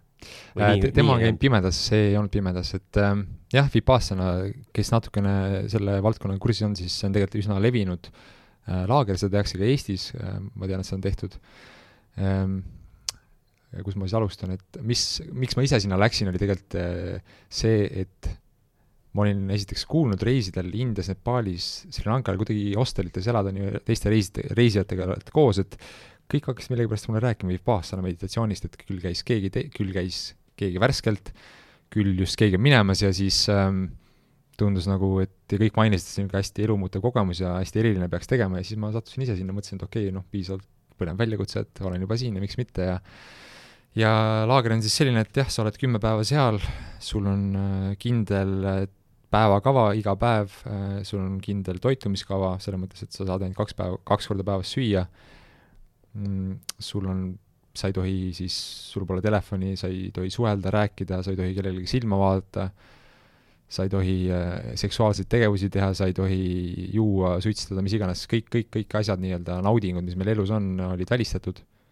Noh, selles mõttes, said neid teha, aga noh, see oleks olnud asja mõte. ja, ja igapäevaselt siis pidid kümme tundi mediteerima äh, juhatamisel siis, et kõik äh, said ühte saali kokku, meid oli seal kuuskümmend umbes pooleks mehed-naised ja siis me mediteerisime seal kümme tundi, et selline päris huvitav kogemus, et mulle, kus ma ei olnud siis elus pikemalt kui kümme minutit mediteerinud ja siis äkki oled esimene päev kümme tundi järjest nagu ja siis noh, see kõik, see on tegelikult nagu nii nagu see, mis see mediteerimine tähendab, et sa alustad esimesel kolmel päeval, mõtled mingi nina, oma nina otsa peale. siis kümme tundi järjest mõtled oma nina otsa peale, et see on nagu noh, see tundub alguses nii võimatult keeruline, aga lõpuks päev päeva haaval su fookus nagu järjest kasvab ja kasvab ja kasvab ja siis sa hakkad seda fookuse võimet arendama ja siis sa suudad tunnetada oma keha ülihästi igast kohast ja sa saad aru, et mis iganes valu sul tekib, kus iganes see tekib, sa suudad seda kontrollida, lihtsalt kehaliselt öelda, et ei, ma ei soovi valu praegu tunda või lihtsalt sellest mööda minna ja õpetas hästi palju kokkuvõttes, et paljud arvasid, et ma katkestan selle, need korraldajad seal sest nad vaatasid, et oi jumala, see inimene küll söö-, söönuks ei saa.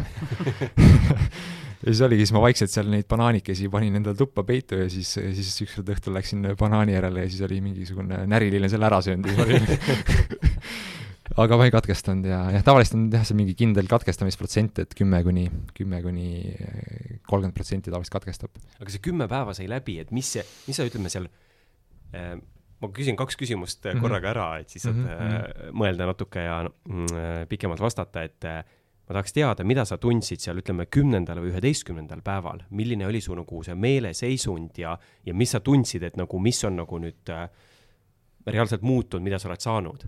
Ja siis äh, nii-öelda veel jätkuküsimus on see, et äh, mida sa, ütleme siis tänasel päeval või, või, või mhm. sellest hetkest mingid kuud või aasta hiljem tundsid, et kui palju sa oled sa- mm, -hmm. suutnud seda nagu hoida ja rakendada mm? -hmm.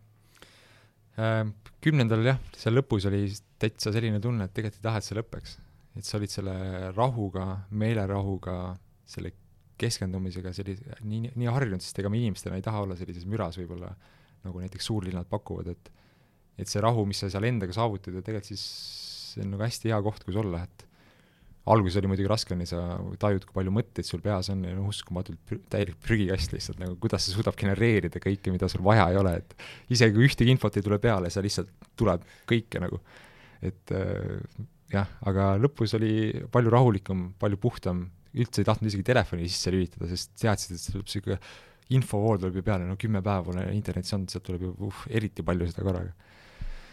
Ja mis see mulle kindlasti andis sel hetkel ja edaspidi, on äh, selline fookusvõime ja meeldetuletus, et kuidas võiks ja saaks fokusseerida, kuidas saaks oma mõtetest äh, vabaneda ja keskenduda nagu endale rohkem et tihtipeale, kui ma magama jään, siis ma avastan ennast, issand, ma jälle mõtlen nii palju asju, siis ma üritan nende sam-, samu nii-öelda praktikaid tegelikult hästi lihtne on ju, et sa hingad lihtsalt natukene keskendumalt. ja keskendud hingamisele, siis kaovad mõtted ära ja et äh, palju tegelikult, iga, iga päev, üle päeva ilmselt mõtlen sellele ja kuidagi, kuidagi on eluga kaasas, et soovitan taaskord. ma saan siin jälle ühte meie varasemat saadet reklaamida, et meil käis siin äh, Allar Levandi, endine mm., endine kahevõistleja ja tema ütles, et tema teeb äh, teadlikult aeg-ajalt endal sellist meediapaastu mm., kus ta ei vaata, ei scroll'i neid pealkirju, hoiab sellest täiesti eemal ja mm. see pidi ka olema nagu see, selline nii-öelda kuidas ma ütlen, kergendav kogemus, et äh, vähem, vähem rumalaid mõtteid ja kas sina ka midagi sellist äh, nüüd siin Eestis oma nii-öelda igapäevase elu keskel nagu üritad jätkata, mida sa seal tegid? jah, ma mainisin ka korra, et telekat ei ole mul tegelikult juba, ma ei tea, üheksa aastat olnud, et äh, selles mõttes ma tarbin meediat kindlasti vähem kui keskmine tarbija, ma tegelikult kunagi ei vaata telekaid, telekat äh,, telekaid. Vaatan telekaid poes, aga mm, ja uudiseid loen ka vähem, mul nagu teinekord kohe tekib selline plokk, kui ma lähen kuskile uudiseportaali, et noh, sporti ma alati loen, sport on tõesti see, mida ma jälgin, aga aga tavalisi uudiseid ma hästi harva loen, et, et mitte nagu ennast piinata mingite meediauudistega. ja, ja, ja, ja, ja siis samamoodi sotsiaalmeediat, kuigi jah, ma seal tänu sellele Naabrist parem saatele olen seal, oleme seal Marleeniga ise nüüd natukene platsis, siis, siis tarbijana ma olen ikkagi üsna, üsna väike tarbija taaskord, kui sa vaatad minu Instagrami feed'i, seal on see automatic feed, kui sa inimestel, noh, see näitab, mida sa vaatad, siis mul on seal kõik NBA et see on minu NBA highlight'ide koht ja, ja best place to be äh, ma arvan, meie kuulajad ei anna andeks, kui ma ei küsiks niimoodi, et mees, kes ei vaata ise telekat, läheb mm -hmm. reality show'sse mm. -hmm. mis värk on no tänusõnad, äh, kallis Marleen taaskord. Äh, jah, see sai alguse Marleeni mõttest ja ideest, et võiks ju sellist asja teha, õpime, loome kodu endale. et ma olen alati tahtnud ise asju oma käega luua ja noh, seal tekkis selline intensiivne võimalus seda teha, et ma tegelikult olin üsna nagu, üsna ähm, välistaval seisukohal alguses, kui Marleen seda mulle pakkus. ja ma lausa sõitsin kuuks ajaks äh, Mehhikosse, et sellele üle mõelda. et me olime, olime öelnud küll jah, aga mul oli võimalus seda ei veel öelda ja siis noh, Marleen ka oli kodus siis ootamas, et no huvitav, mis see Kristjan siis ütleb, kui ta nüüd sealt Mehhikost tagasi tuleb. aga seal tekkis tegelikult tunne, et miks mitte, et kindlasti ta annab äh, rohkem mulle, kui võtab, sest kui me olime juba sisse saanud, et siis, äh, siis äh, tegelikult ju sellega kaasneb päris palju asju, kui sa ise selle nii-öelda suudad hästi vastu võtta. sellise saate formaadi nimi on reality show, aga kui mm. palju seda reaalsust tegelikult lõpuks ekraanile jõuab? no reaalsust, see saade on selline vist mitte päris Rannamaja, eks, et kõik, mis seal nii-öelda platsil toimub, me ehitame ikkagi ja tegelikult seal ei ole väga palju aega mingit jaurata nii-öelda. et õpid ehitama ja õpid, õpid nagu hakkama saama selles olukorras, kus sa oled ja ja noh, me panime lihtsalt hullu, et polnud ju varem ehitanud ja siis kõik need kontaktid, õppimine, kuidas mida teha, noh, iga nädal oli uus väljakutse see Marleen tihtipeale jälle taaskord nuttis, on ju, et issand jumal, me ei tea ju mitte midagi sellest valdkonnast, et kuidas me nagu teeme seda, kuidas me selle nädal aega valmis, kuidas see võimalik on, et meil nagu, meil on null aimu.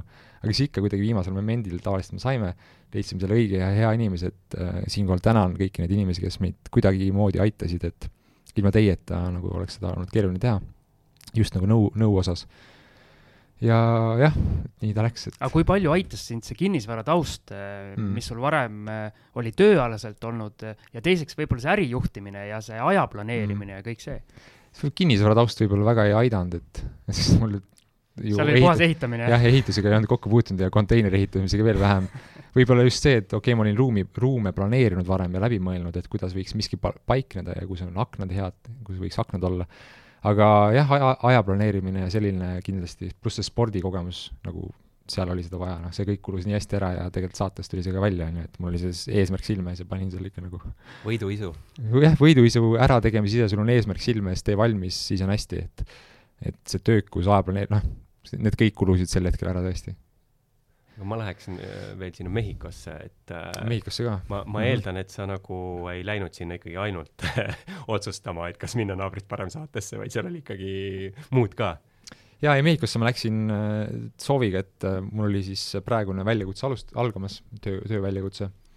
Läksin sooviga lihtsalt, et ma võtan veel ühe, ühe hetke aja maha, enne kui algab naabrist parem ja enne kui algab uus töö et viimane reis nii-öelda enne teadmata ajaks, noh, hea, et ma käisin, sest praegu on ju täitsa kinni kõik ja jah, käisin ja reisisin seal äh, Tulumi ja Cancuni ja seal äh, selle saarekese, saare poolosa, poolsaare poolsaare kandis ja, ja üks asi, mida ma seal soovisin teha ka ja mida ma olin ennem planeerinud ja otsinud, oli siis äh, aiahuaska. et see on üks äh, see on vai... ilmselt väga pikk teema, ma ei tea, kui palju me sellest täna jõuame rääkida, aga aga kindlasti, kes seda teab, siis ta teab, mis see tähendab et kas et tegid selle kogemuse läbi ja mm, -hmm. ja no ütleme lühidalt siis selline, ma saan aru, et siis äh, võtad seal mingid ained nii-öelda sisse ja siis on mm -hmm. vaimne põhimõtteliselt mingi rännak ja, ja, ja mingi juhendaja äh, eestvedamisel siis. jah, see kutsutakse šamaaniks, kes, kes seda tseremooniat eest veab. Äh, joome siis sellist äh, kahest taimest kokku keedetud teed. väga hästi see ei maitse aga me jah, kui sa selle ära jood, siis, siis selle šamaani eestvedamisel äh, algab siis see nii-öelda seanss, et see on äh,, kestab tavaliselt umbes viis tundi, et mul kestis üks, kõige pikem siis üksteist tundi. Äh,. me tegime seda täiesti imelises kohas äh,, Kariibi mere ääres äh,, džunglis, täiesti keset loodust. äh, lihtsalt otse maapinnal olles, et väike viiesentimeetrine madras oli mul all, et see koht ja oli hästi-hästi-hästi ilus ja oluline, et ajavaskat tehes on hästi oluline just see, et kus sa teed ja kellega teed, ehk siis see set ja setting oli seal hästi-hästi paigas minu jaoks ja see juhendaja oli hästi-hästi meeldiv, hästi eriline side tekkis temaga ja ja meil oli hästi vähe inimesi, ma tegin kaks korda seda üks-ühele, mida tavaliselt kunagi ei tehta, tavaliselt on seal kakskümmend inimest nii-öelda tavalises kohas ja aga miks sa seda tegid või samamoodi ma küsiks, et äh, käisid seal siis selles äh, meditatsioonilaagris mm -hmm. ja et, et mis sul viga on, ma küsin niimoodi nagu otse. et nagu, et sa kogu aeg äh, puhastad või, või otsid midagi oma meeltest? jah, meeltest ja oma sisemaailmast, et ähm, me tihtipeale keskendume, alustame oma elu välismaailmast motiveerituna, olgu see siis raha või auto või äh, äge töö või, või nagu teadmata ise, mis me tegelikult tahame teha, et äh, ma olen neid asju nüüd ju teinud, on ju. Äh,, õppinud äh,, töötanud, aga samas ma tunnen, et äh, nagu sisemaailmas justkui nagu miski ütleb vahepeal teist, et äh, siis kui me saame sisemaailmaga sõbraks ja saame aru lõpuks, kes me sees tegelikult oleme, siis siis selle poole ma nagu püüdlengi, et äh, noh, Marleen ka näiteks on elukaaslane, vahepeal küsis, et miks sa tahad kogu aeg reisida, et miks sa tahad nüüd sinna välismaale minna, mida sa otsid, et et ega sellel, sellel hetkel oli raske seda vastust anda, aga midagi ma otsisin. aga Ja- kas sa nagu oled nagu, tunned, et sa oled nüüd tõesti su- suuri samme nagu lähemale oo jaa, oo jaa. astunud? no see, see Mehhiko oli, ma võin, täiesti elumuutuv, et äh, ma selles mõttes ise lihtsalt äh, praegu nagu mõnes mõttes äh, samastun, Siim teab ka siin mind paremini, et ka, kes nagu kogu aeg otsib ja ka on palju reisinud mm. ja kaks korda mul on õnnestunud välisriigis elada. Ja selles mõttes nagu otsinud äh,, meeldinud nagu maailma avastada, Siimu olen kaasa võtnud erinevates mm. maailma osades, oleme käinud äh, erinevates äh, kohtades no järgmine kord lähme koos. äh, pikemalt olnud, aga pean tunnistama, et meditatsioonilaagritesse või teistesse meelelistesse rännakutesse ega ka Nepaali matkal mm ma ei ole käinud. et, et vist peaks minema siis. Igal asjal omal aeg, oma aeg, et ma alustasin ka tavalise reisimisega, eks, et äh, ja igalühel oma tee, et mida on ilmselt ka siin öeldud varem siin podcast'is, aga jah, mul, mul ta nii läks, et vaikselt, eks, et äh, iga aasta tuli midagi uut. Vipassana juhtus, on ju, kaks tuhat üheksateist, siis huvitaval kombel täpselt aasta aega hiljem, samal päeval algas mul ayahuasca. et täiesti noh, juhus on ju, aga huvitav.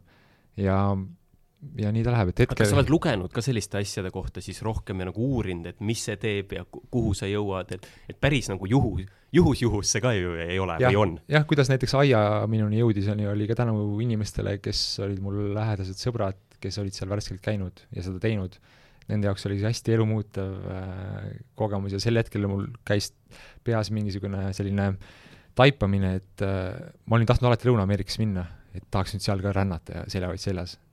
Aga kui tekkis see taipamine, et äkki nüüd see ongi see, milleks ma peaks Lõuna-Ameerikasse minema, läksin, tegin, nüüd ma saan aru, et noh, muidugi võiks uuesti reisida, aga nagu nagu see skoop ja soov on täiesti teine. ja tuleta korra küsimus, mingid ideed meelde? nii huviga jäin kuulama, aga ma tean, et hoopis Siim tahtis midagi vahele ma küsida. tahtsin seda küsida, et kui sa tegid need äh, nii-öelda asjad ära, need, selle laagri ja kui sa nüüd tagasi tulid oma nii-öelda mm. -hmm. päris ellu, kas äh, tekkis selline rahulolematus, et ma tahaks nagu tagasi, ma tahaks uuesti neid asju kogeda või vastupidi, sa said sealt sellise hingerahu ja tulid oma ellu ja suutsid nagu vastupidi siin neid omi asju nagu rõõmsamalt ette võtta? seal tekib hingerahu, seal tekib see sisemine nii-öelda tasakaal kindlasti. sõltub, kuidas ja neid asju teed, on ju, mõni läheb võib-olla ühepäevasesse meditatsioonilaagrisse, siis sellest kindlasti ei teki sellist. aga Vipassana peale ma olen kindlasti mõelnud, et kunagi võiks seda veel teha, et see, kuna seal soovitatakse, et sa peaksid seda praktikat jätkama iga päev kolmkümmend minutit äh, elu lõpuni, aga noh, see on hästi, hästi võimas äh, meelekindlus peab olema selleks et seda ma ei ole jõudnud teha, ehk siis oleks hea näiteks vahel meelde tuletada, et kuidas seda fookust tagasi saada. aia puhul samamoodi, et tegelikult räägitakse, et sa teed selle korra ära, mõni teeb ühe korra, saab aru, et rohkem pole vaja, mõni teeb kaks, et saab aru, et rohkem pole vaja ja ma hetkel tunnen ka, et ma ei taha sinna uuesti minna, et äh, kunagi tekib mingisugune paigalseis või segadus, siis kindlasti see on äärmiselt äh, sügav koht, kuhu minna, sest sa ikkagi kohtud oma sise, sisemist, no hästi sügavale lähed endas, et alateadvusesse, kuhu see, kuhu me tihti ei satu. Et sealt tulevad üles asjad, mida sa võib-olla ei kujutagi ette, et on sinu elu blokeerinud ja kui sa need vabastad, siis sa oled vaba, et mu, noh, minu jaoks ongi, et pärast seda veebruarit on noh, minu jaoks suhe, meelerahu elu osas, kõik on nagu hästi-hästi paika ja loksunud, et kas sa pole kartnud, et sa oled hulluks ära sellise asja peale? hulluks, ei, ei, ei, no et need mõtted kõik äh, kuidagi tulevad su peas, sa veel saad äh, võib-olla midagi selgineb, midagi võib-olla avastad enda kohta ja nii edasi, et ühesõnaga, et täitsa no Lähe- läheb segaseks. Lähen hulluks mis hetkel, selle kogemuse ajal või pärast? No kogemuse ajal ja kandub pärast, pärast edasi, ma tegelikult pean eh, siinkohal eh, silmas mõlemat ka seda nii-öelda meditatsioonilaagris, et ka, et ütleme, võib-olla sa ei olnud siis selles nii-öelda ma ei tea, kõige ekstreemsemas, aga ma kujutan ette, meil on siin olnud äh, varemgi saadetes samamoodi juttu, et inimesed ei suuda äh, vaikuses isegi istuda siin Mm. mm. no kui ei suuda, siis peab just tegema seda nagu., siis peab just tegema et seda., et, et nagu siin just äh, jah, Allar Levandist ka täna juttu olnud, et tema rääkis ka, et ikka, et kui mõtteid vaja koguda, et siis läheb umbes välja ja siis äh, noh, mis iganes see kõnnib, jookseb. Ja siis me ütlesime noh, et, et kas siis ikka äh, muusika on peas, noh, et mm. siis Mhm. ta tegi selle peale nagu nalja, et noh, et, et see ei ole ju see, aga noh, inimesed ongi, et siis isegi kui nad lähevad lõõgastuma, siis nad ikka tahavad midagi nagu veel saada mm., Mhm. et inimene ei suuda olla üksi vaikuses ja nüüd sa lähed siis ei ole mitte lihtsalt võib-olla üksi vaikuses, vaid ongi, nagu sa ütled veel, et silmsidet ei tohi olla äh,. ma ei tea, rääkida ei saa äh,, meediat või internetti ei tarbi. et, et mis aistingud, mõtted kõik siis mm. pähe tulevad? Ei, hulluks minemise mõtet pole küll tulnud mitte kunagi, et muidugi see ayahuasca puhul, et äh, kui selle kohta natuke lugeda, uurida, siis siis ja seda sa teinud ei ole, siis sul tekib niisugune aukartus, äh, selline aupaklikkus tema suhtes, et äh, sa tõesti tegelikult ei tea, mis su sees ju tegelikult toimub. me tihtipeale kaitseme neid igasuguste müüridega, et aga ma olin nagu selles mõttes heas kohas enam-vähem, et äh, ei olnud nagu, ei tundnud seda ohtu seal, hirmu, et kui sa korra ära teed, sa saad aru ka, et et ei ole üldse nii hull ja, ja õpib palju. et kindlasti hulluks minemise, ühesõnaga hulluks minemise hirmu pole olnud ja, ja pigem just see, et iga korraga saab aru palju paremini endast ja kui sa seda juba tead, siis, siis, siis tekib juba kergus kõige muu osas minul on hästi huvitav kõike seda nii-öelda vaimset teemat kuulata, sest mina olen selline nii-öelda pesuehtne skeptik, ehk siis mm -hmm. seni oled, kuni pole teinud. just, tõenäoliselt ma üldse ei eita seda, aga hästi, hästi kerge minu jaoks vähemalt on nende juttudega või inimesed nende juttudega lähevad nagu natuke nii-öelda naeruväärseks. aga sind mm. kuulates on nagu hästi nagu minu meelest selline kahe jalaga maa peal, ehk siis sa teed need ära, saad, võtad sealt mingid asjad kaasa ja tuled nagu tagasi mm. -hmm. aga mulle tundub, et osad inimesed lähevad ja siis räägivad selle asja veel kolm korda suuremaks ja jäävadki nagu sinna mm -hmm. nii-öelda rattasse sisse või kuidagi mm, -hmm. ma ei tea, kas sa saad aru, mis ma mõtlen või? Jah, siin on võimalik sisse minna, aga ju siis see on nende tee, et äh, ju siis nad peavad või tahavad seal rohkem sees olla, et tegelikult ju nende perspektiivis nad ei ole kuidagi rattas sees või hullud. et see võib-olla on meie perspektiivis ja võib-olla on see meie perspektiivi probleem tegelikult. et noh, igal inimesel on oma tee, et tegelikult see aktsepteerimine on oluline, et et ma mõistan ka seda sinu skeptitsismi, et äh, tihtipeale inimesed, kas või see teema, mida ma praegu räägin, et võib-olla tundub nagu niisugune uskumatu, et mis elu muutub ja kas ta siis muutis ja noh, noh, tegelikult eh, tasub kogeda, tasub, tasub äh, jõuda nende asjadeni õigel ajal, siis, siis sa saad aru, mis see tähendab aga meil on teist mm. saadet järjest inimene, kes nagu minu arust kompab piire, et kui sina räägid sellisest vaimsetest piiride kompamisest, eelmine kord meil oli äh, siin stuudios Madis Müür, kes äh, põhimõtteliselt äh, rääkis, kuidas ta kardab kõrgust ja siis läks langevarjuhüpet tegema, et ka mm. nagu ja ütles, et äh, põhimõtteliselt, et ta siis ka seeläbi mitte ei saanud sellest äh, kõrguse hirmust üle, vaid äh, see nagu avas äh, ka muu maailma suhtes nagu mm. äh, äh, teda, et ta suudab nagu hirmudele vastu Täpselt, astuda. Mm -hmm et jah, isegi olen kõrgustega silmitsi olnud ja bensihüppeid ja langevarjuhüpped teinud, et et jah, need kindlasti kõik aitavad ühel või teisel viisil, et äh, iga, iga ebamugav, noh, kõik need on ju ebamugavad asjad, mida ma praegu räägin ja mida sa mainisid praegu, et need ei ole üht, kuidagimoodi mugavad asjad, et sa hüppad lennukist alla või sa hüppad bensihüpet või sa lähed kümneks päevaks vaikusesse, et aga kui me julgeme nagu ebamuga-, sellest mugavustsoonist välja astuda ühel või teisel viisil, kas see on siis kas või päevas on ju, mõni inimene ei suuda vaikuses pool tundi olla, et no proovi siis nagu lihtsalt mine metsa ja ole, ära võta telefoni kaasa ja alusta sellest, et, et tegelikult noh, see, igalühel on oma väike samm ja tee.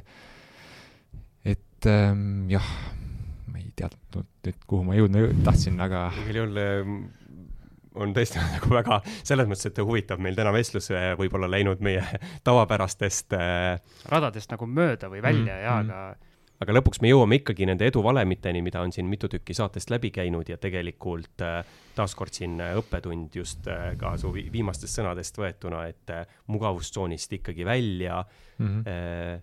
Kombid piire, et see nagu muudab sind sisemiselt, et mm, -hmm. et võib-olla ma ise ka vastaks veel seal Siimule, et, et kui käiakse seal meditatsioonilaagris, siis keegi tuleb nagu suureks rääkima ja siis tekibki selline noh skeptiline suhtumine mm, -hmm. et oh, et mis, mis see elu sul nüüd muutus, ma ei näe, et sul oleks nüüd, ma ei tea, suur maja ja, ja kohe mingi mm -hmm kaunis naine ja, ja, ja noh, ma ei tea, ma ei tea, mis asjad veel kõik. kui sa nüüd mulle sõnu suhu paned, siis ma ei mõtle üldse nagu selles plaanis, vaid äh, no minu mõte on kuidagi see, et äh, hästi tihti, vähemalt minule, võib-olla ma olen liiga skeptiline ja võtan seda nagu kuidagi kohe isiklikult nagu äh,, jääb selline mulje, et need inimesed, kes mingeid asju teevad mm, -hmm. siis äh, ütlevad kohe, et umbes, et oh, kui nii-öelda teised ei tee, et siis eh, noh, et sa ei ole üldse mingi mm., mingi inimene või et see on nagu igal juhul must be, vaata mm. -hmm.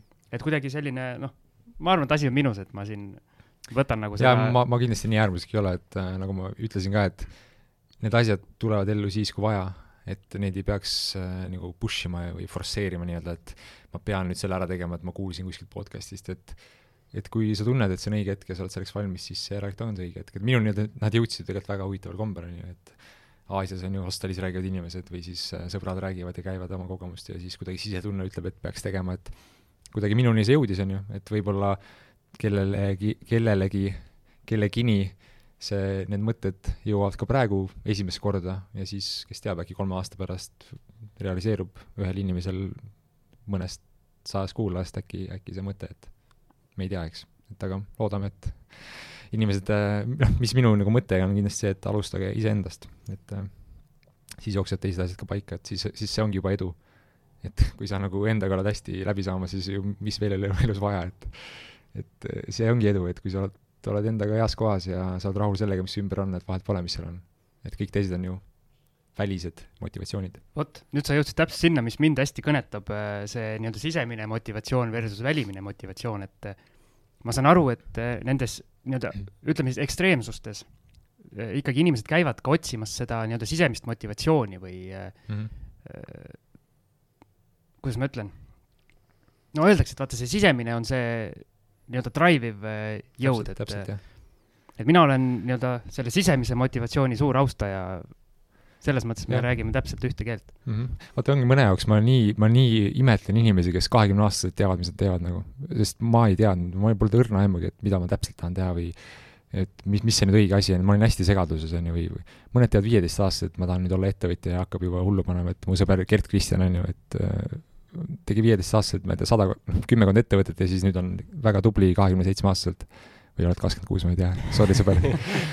Igatahes, et äh, et mõnel on see varem juba teada, mõnel on varem selge ja mõned julgevad seda hästi kiiresti teha ja, ja lähevad oma teed ja ongi kõik hästi. aga mulle tundub, et päris suurel osal on ka vastupidi, et, et tihti alustatakse just väli, väljast ja võib-olla seda sisemist motivatsiooni on raske leida, et Alar Ojastu ka siin tihtipeale räägib ju, kas see oli suure uuringubüroo poolt tehtud, et, et kümme töötajat keskmiselt, keskmiselt kümnest töötajast on äh, ainult üks või kaks motiveeritud ettevõttes. et noh, kui sa mõtled nende numbrite peale, siis tegelikult kaheksakümmend protsenti on siis ju ei tea, miks nad seal on ja mida nad teevad ja, ja tegelikult, tegelikult see ei ole hea, hea märk ühiskonna suurest vaatest. Aga ma arvan, et meil on nüüd äh, lõpuks aeg saade kokku tõmmata, päris pikalt on läinud, kuigi teemasid oleks äh, rääkida veel ja ma tegelikult tahaks ühe asja veel lisada, ennem kui sa päris kokku tõmbad, et ma saan aru, et sa nüüd oled äh, nii-öelda äh, idufirma maastikul tegev oh, et oh, räägi, kuidas see, sa oled palgatööd teinud ja nüüd on nii-öelda see idufirma kogemus, mis kindlasti on natuke teistsugune mm. -hmm. et räägi, mis seal need põhi, põhiaspektid on ja kumb sulle rohkem sobib ähm,? Mida ma, mis mulle kõige rohkem sobib, ilmselt on ettevõtja. Ähm, ja olla täielikult vastutav selle eest, mida ma teen, ehk siis ilmselt see realiseerub äh, täielikult äh, aastate jooksul. Aga hetkel iduettevõttes olles, äh, kuidas see erineb, on kindlasti see muutus, äh, muutuste kiirus, et ja teadmatus tihtipeale ja selline valvel olek, et sa tegelikult väga hästi ei tea ikkagi, mis nädala aja pärast olla võib, et, et äh, investorite rahakotist ju tihtipeale see sõltub ja tihtipeale läheb päris kaua aega, et ettevõt-, iduettevõtted siis jõuavad kasumini või, või eduni, kasumini jah, kasumi, kasumeduni et siis äh, see on hästi selline teistsugune, et kui sa oled tavalises ettevõttes, suures ettevõttes, siis tihtipeale on sul hästi turvaline, et sul on palk ja sa tead, et sa noh, ettevõte on piisavalt suur, et ilmselt viie aasta jooksul ta välja sured, kui sa tahaksid, sa võiksid olla viis aastat seal ettevõttes. aga iduettevõtte puhul sa tegelikult seda ei tea, ei ettevõtte vaatevinklist ega ka sinu enda vaatevinklist, kui sa oled töötaja, et kui kaua sind vaadatakse, äkki siin tuleb mingi palgakärbe teha, äkki siin tuleb praegu keegi lahti lasta, et nendega tuleb hästi harjuda ja tuleb alati valmis olla muutusteks, et äh, aga taaskord minule oli see uus ja põnev väljakutse ja olen selles ebamugavas olukorras jälle, et et õpin, olen õppinud juba päris palju ja, ja jätkan seda, nii et loodame, et aasta pärast räägime sellest startup'ist juba, juba paremas noodis. Aga miks ma küsisin, on see, et mina olen oma elus teinud korra selle sammu üsna vanana, et ma nii-öelda kindlalt palgatöölt tulin ära, astusin nii-öelda justkui tundmatusse ja ma ei ole seda pidanud kunagi kahetsema. täpselt, jah. aga ikkagi kogu aeg on mingi selline, mitte nagu ebakindlus, aga kogu aeg selline mõte, et noh, et võib-olla mingi hetk oleks natuke parem nagu siis, kui oledki üheksast viieni, istud kuskil mm -hmm. ära oma aja ja siis äh, lähed teed muid asju, et äh, kas sul ka nagu kunagi vahest nagu mõtled selle peale, et võiks ikkagi selline nii-öelda kindlus olla või sa paned ikkagi täiesti nii-öelda nullist sajani kogu aeg, et äh, vaatad jälle uus mõte tuleb, siis ei, eks, eks paratamatult, kui sul on ebamugav, siis vahepeal äh, su inimese loomus on see, et kuule, tahaks mugavalt tunda. ja muidugi, kui sa oled tööl, oled tööl, siis mugavus tähendab seda, et sul on kõik paigas, et palgad on paigas, töö on paigas ja teed mingit fikseeritud asja, sul pole vastutust.